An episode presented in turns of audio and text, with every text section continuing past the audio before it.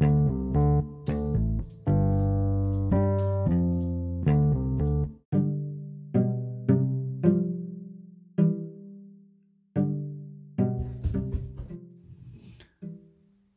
Assalamualaikum warahmatullahi wabarakatuh Waalaikumsalam warahmatullahi wabarakatuh. Halo pendengar, gimana kabarnya? Mudah-mudahan eh, pada sehat semua walaupun wabah di mana-mana Amin. Kembali lagi kita ke keluarga Sotoy Episode 2 Episode 2 kita adalah keluarga bagi yang baru eh, lihat Kita ada keluarga kecil yang hidup di pinggiran kota Kyoto, Jepang Nah, eh, podcast kita akan lebih banyak membahas tentang keluarga, tentang kehidupan sosial, tentang parenting, macam-macam lah. nah, hari ini kita membahas apa, Bun? Bahas tentang parenting. Tentang parenting, khususnya adalah apa? apresiasi kepada anak. Ya. Oh iya, bagi pendengar, mohon maaf kalau ada suara bocah-bocah cilik karena kita tidak mengkondisikannya ingin membuat suasana semakin natural ya. Karena emang eh, bocah kita ada dua, yang satu masih berumur dua setengah tahun, yang satu lagi satu setengah tahun. Oke, Jadi kita bahas tentang apa ini? Memberikan apresiasi kepada anak. iya. Gimana tuh, Bi? Nah, Apa ya positif negatifnya? Terus sebetulnya eh, Atau- menurut Bunda penting gak sih memberikan apresiasi buat anak? Kalau aku sih penting banget. Pentingnya apa? Eh, karena dari dulu eh, aku kebiasa. Ini kali ya misalnya ketika berhasil sesuatu tuh dapat apresiasi gitu. Terus juga aku sempet ikut beberapa kali seminar-seminar atau kajian parenting yang dari sejak SMA kan. Hmm, dan ya kesimpulan aku memberikan apresiasi pada proporsi yang tepat itu sangat penting. Apresiasi di sini sifatnya eh, pujian ya. Nah, tapi kategorinya bukan yang memanjakan tapi eh, ya mem- memberikan penghargaan menghargai gitu. Bukan sekedar memuji tapi menghargai. Ya, kalau menurut Abi ada pandangan berbeda kah ya aku juga pasti merasa penting apresiasi. Tapi aku juga nggak jarang melihat ada anak yang sedemikian apa ya pongah gitu di di di antara lingkungan teman-temannya lain ya gara-gara ya mungkin apa namanya penyebabnya penyebabnya sering dipuji di depan umum gitu aku pun sebetulnya merasa dulu eh, apa namanya aku sering dipuji ya sama orang tuaku. Karena aku dulu bisa gambar aku dulu bisa eh, ya macem-macem lah kayak gitu. Tapi itu tuh sedikitnya seingat aku tuh membuat aku kayak merasa entitled gitu tuh. Aku nih hebat nih gitu tuh. Hmm, dan itu akhirnya kayak- kayaknya nggak nggak terlalu cocok juga buat society sih Apa sebenarnya eh, ini bergantung juga sama faktor budaya Eh, tiap daerah, kesukuan gitu-gitu ngaruh nggak ya? hmm, kesukuan ya Ya kita di Indonesia kan banyak banget gitu suku-sukunya gitu. Hmm, Eh, aku jadi keingetan ya, ya ada suku yang emang emang tipikalnya kan kayak misalnya daerah-daerah Sumatera, apa Padang, apa Batak gitu kan hmm, eh, keras gitu sifatnya. Hmm. aku sih nangkepnya tidak mudah gitu eh, suku-suku yang keras untuk memberikan apresiasi apresiasi atau pujian terhadap Hmm, prestasi anak kecuali udah mencapai Ah. suatu goal tertentu. Nah hmm. mungkin beda gitu dengan suku yang mungkin di Jawa Sunda gitu yang bisa lebih mudah iya sih iya juga sih. berprestasi sedikit atau tidak kayak aku juga dulu waktu kecil tuh maaf ya kayak misalkan sepupu-sepupu aku tuh begitu mudahnya itu untuk dipuji sama orang tuanya gitu. Ini anak saya ranking segini anak saya ranking segini gitu. Ya padahal ya sorry to say ya nggak nggak terlalu gimana gimana juga gitu.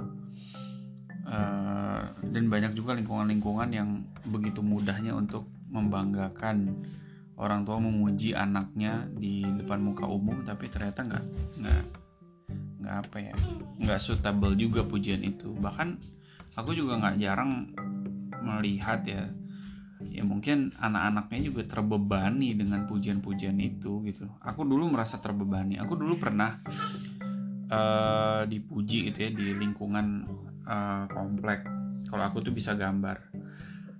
Nah ada tetanggaku dia itu anak kecil umur berapa gitu dia diminta eh, PR untuk ngegambar hmm, PR sekolahnya dia eh, SD SD apa gitu tuh. Aku kalau nggak salah udah SMP.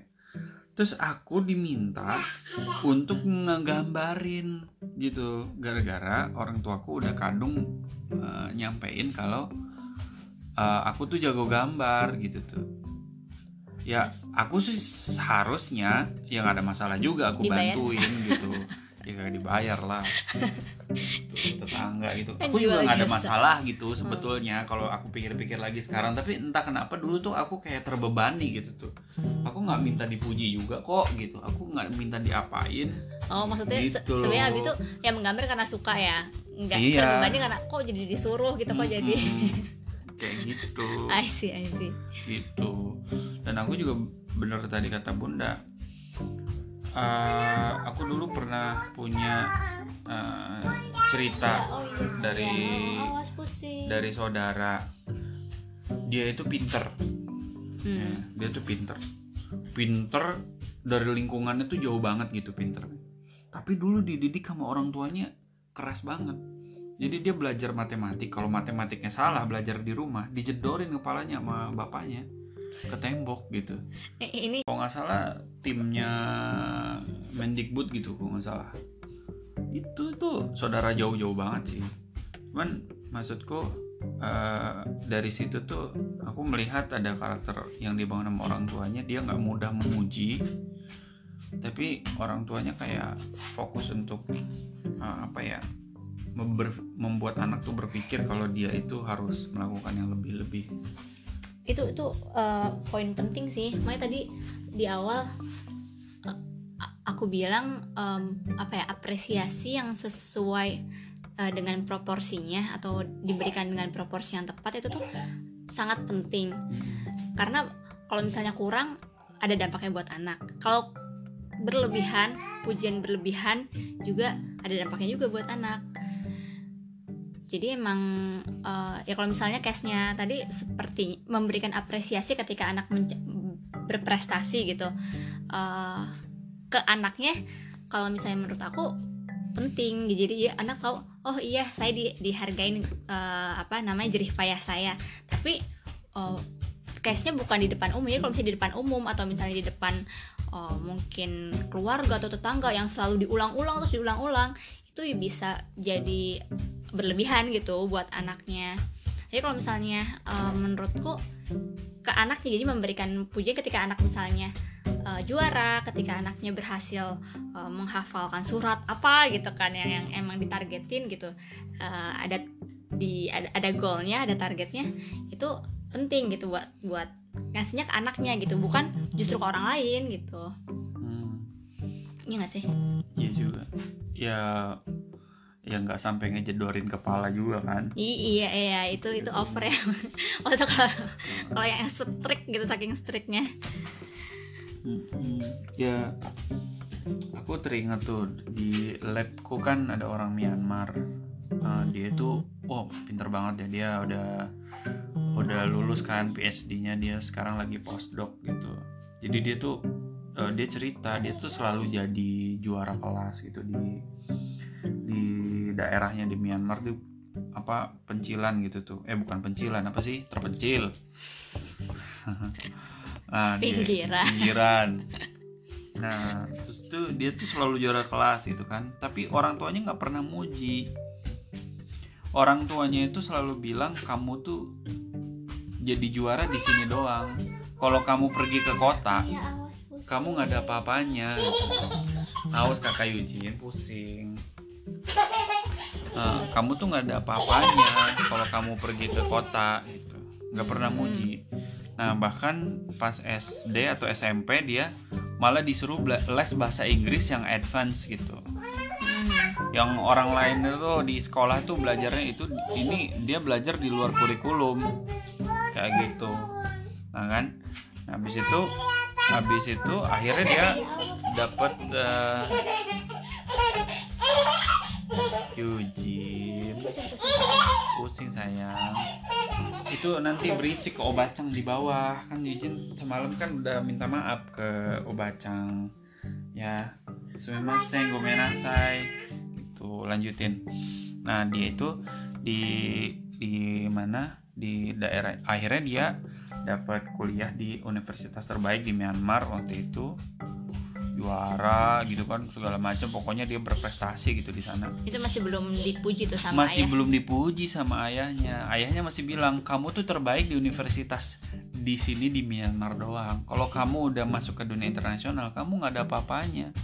Terus ayahnya minta dia untuk belajar bahasa lain selain bahasa Inggris. Akhirnya dia milih belajar bahasa Jepang setelah dia lulus di universitas dia baru ngeh kalau dia tuh nggak bisa dapat kerja dengan mengandalkan ijazah S1 dia gitu. Walaupun universitas terbaik walaupun nilai terbaik. Gitu. Nah akhirnya dia akhirnya dapat kerja. Kerja di konsultan di JICA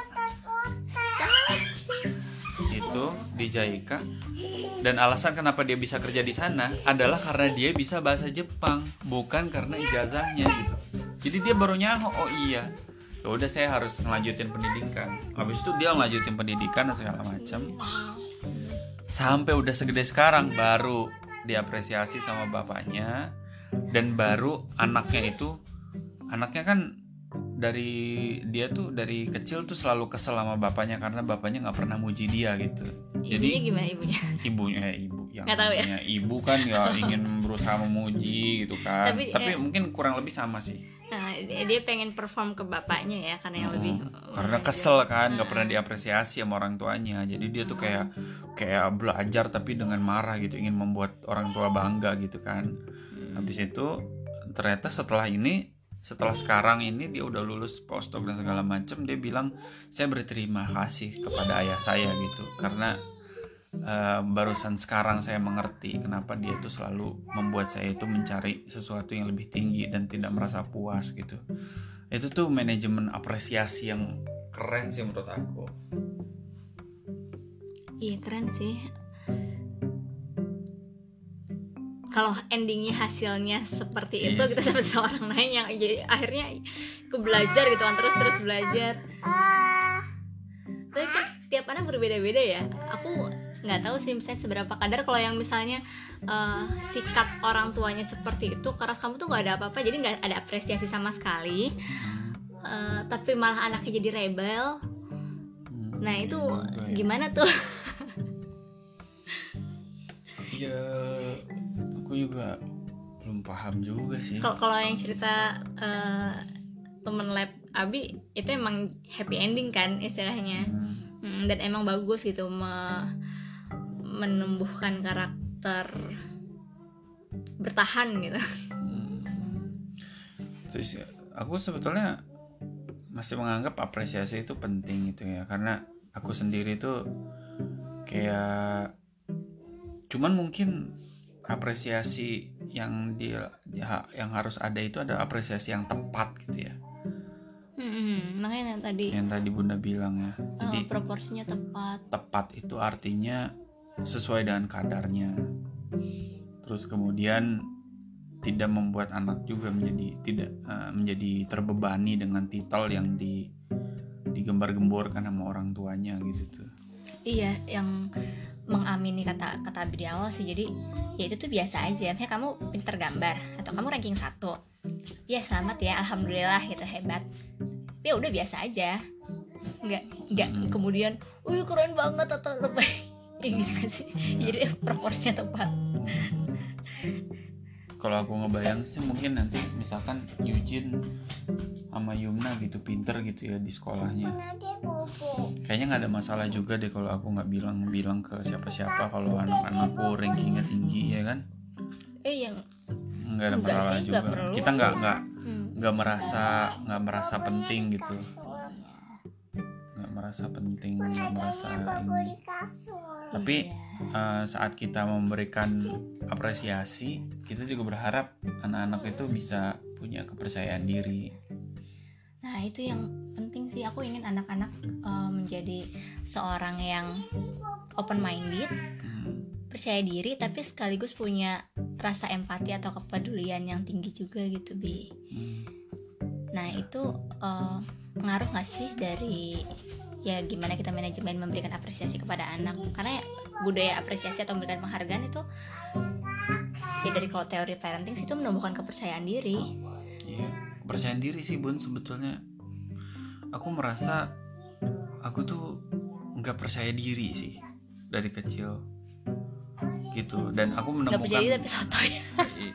ya aku mulai percaya diri itu pas SMP aku jadi ketua ini ketua itu gitu SMA aku jadi ketua pramuka. Sekarang itu tuh yang ba- bahkan waktu di kampus aku kalau nggak ngomong di depan umum gatel gitu tuh. Ya aku Jadi- mempelajari jadi gitu balas dendam gitu. Aku tagih karena dulu tuh aku kayak aku di keluarga besar aku gitu aku punya mimpi. Misalkan aku pengen kuliah nih di ITB atau aku pengen kuliah di luar negeri. Diketawain bun. Diketawain sama sepupu-sepupu aku sama uwa-uwa aku tuh sama yang lain-lain lah. Diketawain. Nah jadi nggak ada iklim untuk memotivasi orang untuk percaya diri tuh nggak ada gitu tuh. Dan- karena mereka masing-masing selalu membanggakan anak anak-anaknya iya nah ini ini penting juga. Menurutku kita tidak hanya harus memanajemen uh, apresiasi kepada anak tapi juga kepada anak lain. Ketika kita tinggal di lingkungan sosial jadi kita bersifat objektif ketika ada Hmm. anak lain yang uh, jadi kan ada empat kata ajaib. Kan selain maaf terima kasih tolong selamat salah satunya selamat memberikan selamat nah memberikan selamat ini kan berarti memberikan apresiasi kepada memang yang pantas mendapatkannya Hmm. kalau misalnya itu bukan anak kita nah anak lain yang juara gitu Hmm. ya kita ngasih ke dia kayak memperlihatkan kepada anak kita kita menghargai uh, dia udah juara tapi kita juga membesarkan hati anak kita misalnya anak kita gagal gitu tidak apa-apa dicoba lagi Hmm. gitu Aku- deh iya iya bisa juga sih tapi aku jadi kepikiran kita bisa setting standar Hmm. jadi setting standar. Kayaknya secara nggak langsung temanku yang dari Myanmar itu sama orang tuanya di setting standarnya untuk tidak bangga gitu. Dengan pencapaian apa yang ada. Gitu tuh. Dan dan saat kita meminta anak-anak kita untuk mengapresiasi memberikan selamat buat orang Hmm. kita juga memberikan standar bahwa ya sta- eh, standar bahwa apresiasi itu akan datang kalau kamu benar-benar berprestasi gitu. Hmm. Gitu. Jadi ya anak punya daya juang ya. Nah, jadi apresiasi itu tidak datang segitu-gitu aja, sekonyong-konyong. eh, apa namanya? Setelah kamu misalkan ba- apa namanya? Cuman baru bisa menggambar gitu tuh. Tapi apresiasi itu datang jika memang sudah benar-benar patut untuk diapresiasi. Gimana sih bahasanya? Ya kan kadang ada orang tua yang tadi aku bilang dia tuh belum apa-apa udah diapresiasi, udah diomongin ke mana-mana gitu. Jadi standarnya tuh rendah banget. Ya nggak, ya nggak sih. Itu bukan apresiasi sih. Karena itu kan kayak apa sih istilahnya kalau keluar-keluar keluar tapi bukan ngasih ke anak. Kalau apresiasi kan kita ngasih ke anak. Selamat ya, Nak. Tapi secara nggak langsung kan anak terapresiasi gitu tuh sama orang tuanya. Dia Hmm. orang tuanya karena ngomong ke mana-mana gitu kan. Gitu. Jadi kesimpulannya ya kesimpulan dari aku sih eh, kita bagi orang tua kita setting standar yang baik hmm, setting standar Sepakat. bahwa anak-anak itu tidak boleh cepat puas dengan apa yang dia ini kan dia tetap harus punya goals. eh, apa namanya goals yang yang standarnya itu tuh memang melibatkan banyak orang sehingga dia punya katakanlah pembanding buat dirinya sendiri ya karena Hmm. kita nggak boleh ngebandingin anak kita dengan anak yang lain kan Hmm, gitu tuh dia sendiri yang ukur. Iya, dia sendiri yang ngukur gitu tuh. Dan kita tidak memberikan apresiasi melebihi dari apa yang sepatutnya gitu tapi kita juga bisa mendorong anak-anak kita untuk tetap percaya diri dengan mengakui apa yang sudah dia lakukan. Tapi yang tadi yang kata bunda proporsional. Kayak gini percaya diri nggak? Kayak gini. tanya lagi bun kayak gini kayak gini percaya diri nggak? Kayak gini berani nggak oh. Eugene nggak percaya diri katanya. Iya nggak percaya diri tapi ketawa Deyumna de, coba Deyumna Deyumna percaya diri nggak? Bobo Deyumnanya nggak percaya diri tapi kalau main ke tetangga nyelonong bae anaknya Nah, itu percaya diri nggak tahu malu. Udah sekian. Makasih ya buat eh, pendengar. Makasih para pendengar. Keluarga Sotoy. ini sih not to myself banget sih. Ini to, not to ourselves banget karena suatu saat ya recording ini akan selalu kita dengar sendiri gitu kan ya buat eh, apa namanya flashback reflect kita kan sampai jumpa di sampai jumpa di episode berikutnya. Assalamualaikum